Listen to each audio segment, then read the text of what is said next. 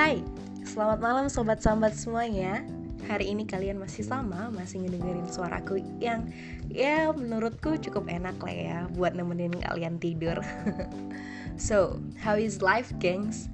Is it okay or is it bad day? Tapi aku harap kalian semua selalu dalam keadaan sehat selalu ya karena seperti yang kalian tahu di tengah pandemi seperti saat ini kita selalu dituntut untuk tetap sehat dan juga waras gitu ya. Biar bisa menjalani hari-hari dengan tetap bahagia kayak lagunya GAC.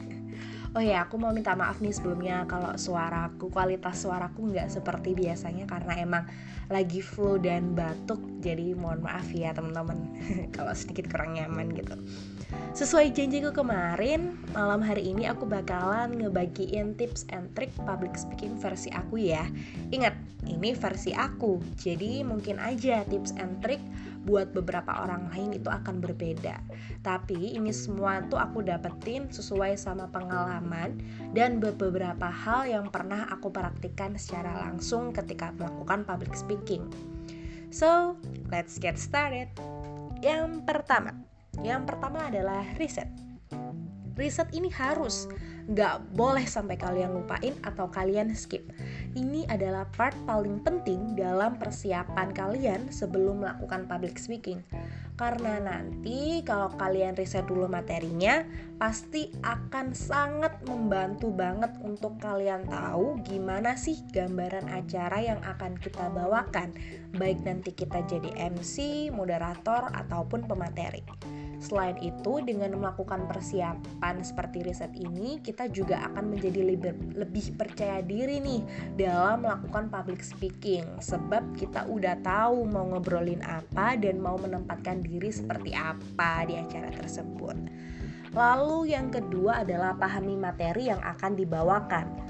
Memahami materi ini lagi-lagi di sini banyak-banyak riset dan juga membaca ya teman-teman. Jadi kalian harus percaya nih sama aku. Kalian harus percaya, wajib percaya sama aku. Kalau kedua hal ini akan sangat berpengaruh dan memiliki peranan penting untuk kita ketika akan melakukan public speaking nantinya. Lalu yang ketiga adalah get to know your audience. Artinya gimana sih get get to know your audience ini? Artinya di sini tuh bukan berarti kalian harus kenal gitu ya satu persatu pesertanya siapa, namanya siapa, dari mana, umur berapa, nggak harus sedetail itu. Tapi maksud aku di sini tuh kalian harus tahu nih siapa aja yang datang dalam acara yang kalian pandu. Baik nanti kalian itu jadi MC, moderator atau pemateri, teman-teman juga harus tahu nih siapa audiensnya. Misalnya nih biar kalian lebih mudah ngebayanginnya, aku kasih contoh. Kalian jadi MC untuk acara pengajian.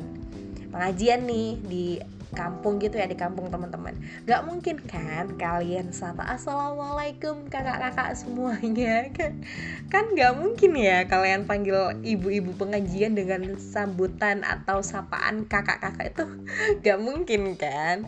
Nah itu tuh gunanya buat kalian mengetahui audiens kalian itu seperti apa. Jadi kita bisa nggak salah langkah nih untuk menentukan sikap ataupun kata sapaan dan juga bahasa yang digunakan kalau misalnya kita udah tahu nih kita akan ngemsi ke acara ibu-ibu pengajian kompleks. Jadi kita udah tahu nanti bahasa yang digunakan akan lebih sopan lebih tutur katanya lebih lembut gitu ya lebih ke ibu-ibuan gitu. Terus sapaannya kita juga bisa nentu ini kita panggil ibu-ibu aja biar sama. Gitu gak mungkin gak mungkin kita ambil opsi kakak-kakak atau guys atau temen-temen gitu Terus yang keempat adalah pakai bahasa yang mudah dipahami. Poin ini sebenarnya masih ada korelasi dengan poin sebelumnya. Jadi, usahakan kalian untuk selalu menggunakan bahasa yang mudah dipahami. Jangan yang berbelit-belit ataupun terlalu ilmiah, resmi, formal, dan sebagainya. Contohnya, biar kalian makin paham aku kasih contoh. ketika kalian MC nih untuk acara nikahan nggak mungkin kan kalian menggunakan bahasa non formal kayak dipun. Kan biasanya kalau orang Jawa nih ya MC formal pakai bahasa Jawa mungkin. Dipun tepangaken nami kulo bla bla bla kan kalian nggak mungkin kan memperkenalkan kayak Hai guys hari ini tuh lagi ada di nikahan temen gue nih namanya si Salsa. Kan kalian nggak mungkin akan menggunakan bahasa seperti itu. Jadi bahasa di sini juga harus sesuai nih dengan tema lingkungan dan audiensnya seperti apa. Makanya aku bilang jika poin keempat ini masih berkaitan dengan poin sebelumnya, yakni get to know your audience, biar seimbang gitu ya teman-teman, biar bisa selaras gitu. Selanjutnya adalah gesture. Gesture ini juga penting, juga harus kalian perhatiin nih ketika kalian melakukan public speaking. Gestur kayak gimana sih Gat yang biasanya dipakai uh, kalau aku sih ya biasa ya karena biasanya aku sering MC-nya online jadi hand gesture aja yang kelihatan gitu di layar laptop atau di layar HP gitu jadi tangannya gerak-gerak lah gampangannya kayak dosen atau guru yang lagi menerangkan sesuatu. Kayak aku lagi podcast gini pun tanganku juga masih gerak-gerak bahkan kakiku juga ikut gerak-gerak. Karena aku udah kebiasa untuk melakukan gesture ketika public speaking. Walaupun ini rekamannya untuk podcast ya dan gak, gak, kelihatan gitu ya wajahnya atau gerak tubuhnya tapi aku tetap melakukan si gesture ini Terus jangan lupa teman-teman harus kasih selain gesture hand tadi kalian juga bisa nih ngasih senyuman termanis tercakap kalian biar kalian juga bisa spread positive vibes gitu ke para audiens. Kalau kita ngasih senyum itu juga bisa ngasih kekuatan lebih loh dalam diri kita. Kalau aku sih gitu ya dan aku percaya kalau misalnya aku senyum ke audiens dan audiensku ikut senyum itu aku merasa kalau aku dianggap, aku merasa kalau wah aku dilihat nih sama mereka aku diperhatiin kayak gitu. Jadi kayak ada komunikasi dua arahnya gitu. Terus selain juga dari hand gesture atau gestur yang lainnya senyum ada juga nih kalian jangan melupakan untuk menatap ke arah audiens. Lagi-lagi supaya audiens merasa diajak ngobrol biar kesannya komunikasinya dua arah gitu ya. Kalau misalnya di zoom gimana nih Gat cara melihat audiens. Ya kalian aja lihat satu-satu nih kotak-kotaknya itu gantian habis lihat ke sini misalnya habis lihat ke namanya Afif kita ganti ke Amin langsung lagi ganti lagi ke Siti atau bisa dari uh, kanan ke kiri dari atas ke bawah gitu kan. Kalau misalnya di zoom kan kotak-kotak atas bawah samping kanan kiri gitu. Sama sih kalau kalau misalnya acaranya offline kalian juga bisa nih jangan hanya menghadap atau melihat audiens yang ada di depan. Kalau misalnya audiensnya uh, ada di sekeliling kalian kanan kiri juga itu jangan lupa untuk dilihat juga kanan kirinya biar mereka juga merasa lagi diajak ngobrol biar rasanya kita komunikasi dua arah gitu. Terus yang keenam ada latihan. Ini juga part paling penting dong menurutku nggak boleh kalian skip. Kalau kalian skip uh, rasanya pasti ada yang kurang kalau belum latihan nih jadi kalau aku biasanya sih biasanya ya ini yang sering aku lakukan kalau sebelum aku memulai untuk melakukan public speaking baik jadi MC atau moderator, aku selalu latihan dulu nih. Uh, latihannya bisa berupa nyiapin script. Aku selalu menyiapkan script baik untuk lagi-lagi baik untuk jadi MC atau moderator, aku selalu menyiapin script. Untuk rekaman podcast ini pun aku juga menyiapkan script apa yang akan aku omongin biar nggak ngelantur biar nggak melebar ke mana-mana. Jadi kita harus punya skrip dulu aku tuh nulis skrip itu bener-bener apa yang mau aku omongin itu aku tulis semuanya. Jadi kayak sesimpel ketawa hehehe hahaha itu aku tulis teman-teman. Bener nih aku jujur itu aku tulis.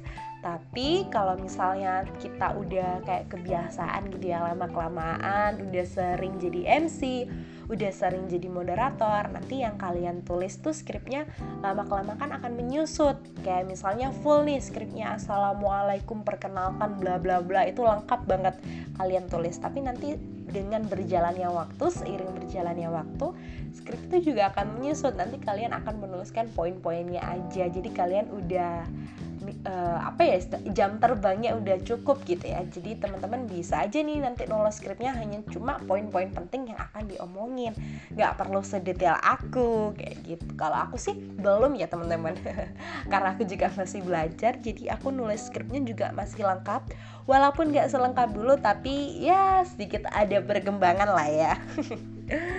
Terus selain menyiapkan skrip aku juga sering latihan nih baik di depan kaca ataupun di depan laptop. Aku sering ngobrolin ah, ngobrolin skripku nih baca skripku gimana di depan TV juga bisa. Kalau misalnya di rumahnya ada TV ngobrol aja di depan TV di depan laptop di depan kaca kalau aku sih lebih seringnya di depan kaca atau di depan laptop ya. Jadi skrip yang udah aku susun aku coba baca nadanya gimana intonasinya udah pas atau belum titik komanya udah pas atau belum. Jadi kalau misalnya aku latihan dulu sebelumnya aku jadi tahu nih sampai di mana kita memahami materi yang akan dibawakan nanti. Ja, kayak oh aku ternyata belum paham nih bagian ini. Jadi aku harus ulang-ulang lagi baca baca skripku di bagian itu atau riset lagi biar aku lebih paham dan gak ada salah kata salah penyebutan atau apa pun itu. Serta serta manfaat lain dari kita latihan itu untuk persiapan agar jadi lebih matang. Karena kalau persiapan lebih matang lagi-lagi itu juga akan meningkatkan kepercayaan diri kita Oh iya, ketinggalan nih satu lagi. Sebenarnya di list podcast aku ini tuh latihan itu yang terakhir ya tipsnya. Tapi ternyata ada tips lain nih dari aku ya. Nih dress up. Dress up itu penting banget. Kalian harus mandi dulu, bebersih dulu, pakai baju yang nyaman, kerudung yang nyaman, pakai parfum, make up gitu ya biar kelihatan siap, rapi, cakep, manis gitu. Jadi kalau penampilannya udah oke, okay, udah bagus, udah nyaman, itu lagi-lagi, lagi dan lagi akan menambah kepercayaan diri kita ketika akan melakukan public speaking. Ketika dilihat oleh audiens kita udah rapi, udah cakep, udah wangi walaupun wanginya gak sampai mereka, itu itu juga akan menambah kepercayaan dirinya kita buat jadi MC jadi moderator gitu. So ya yeah, that's it guys. Beberapa tips and trick yang bisa yang biasanya aku gunakan ketika akan menjadi MC ataupun moderator ataupun ketika aku akan mengisi materi. Aku harap apa yang aku sampaikan bisa bermanfaat ya untuk kalian semua dan aku berharap ini juga bisa kalian terapin gitu ya ketika kalian nanti dapat kesempatan untuk jadi MC, moderator ataupun pemateri. Semangat semua yang untuk belajar public speaking ya. Oh ya, nih aku kasih kutipan favorit aku dari penggalan liriknya Coldplay biar kalian makin semangat belajarnya. If you never try, never know guys. Jadi jangan pernah melewatkan kesempatan yang menghampiri kalian. Ingat itu, dicatat baik-baik di kepala kalian. Kalau perlu kalian tulis, kalian print, kalian tempel. Itu ngaruh banget sih buat semakin kita giat untuk belajar public speaking. Itu di aku ya. Aku harap itu juga ngaruh di teman-teman. I hope you like it and enjoy my voice. Thank you so much buat kalian yang mau meluangkan waktunya untuk waktu berharganya untuk ngedengerin suaraku. I appreciate that. Thank you so much guys. Terima kasih. Tunggu di podcast aku minggu depan, Jumat depan. Bye guys. Love you. Mwah, mwah, mwah.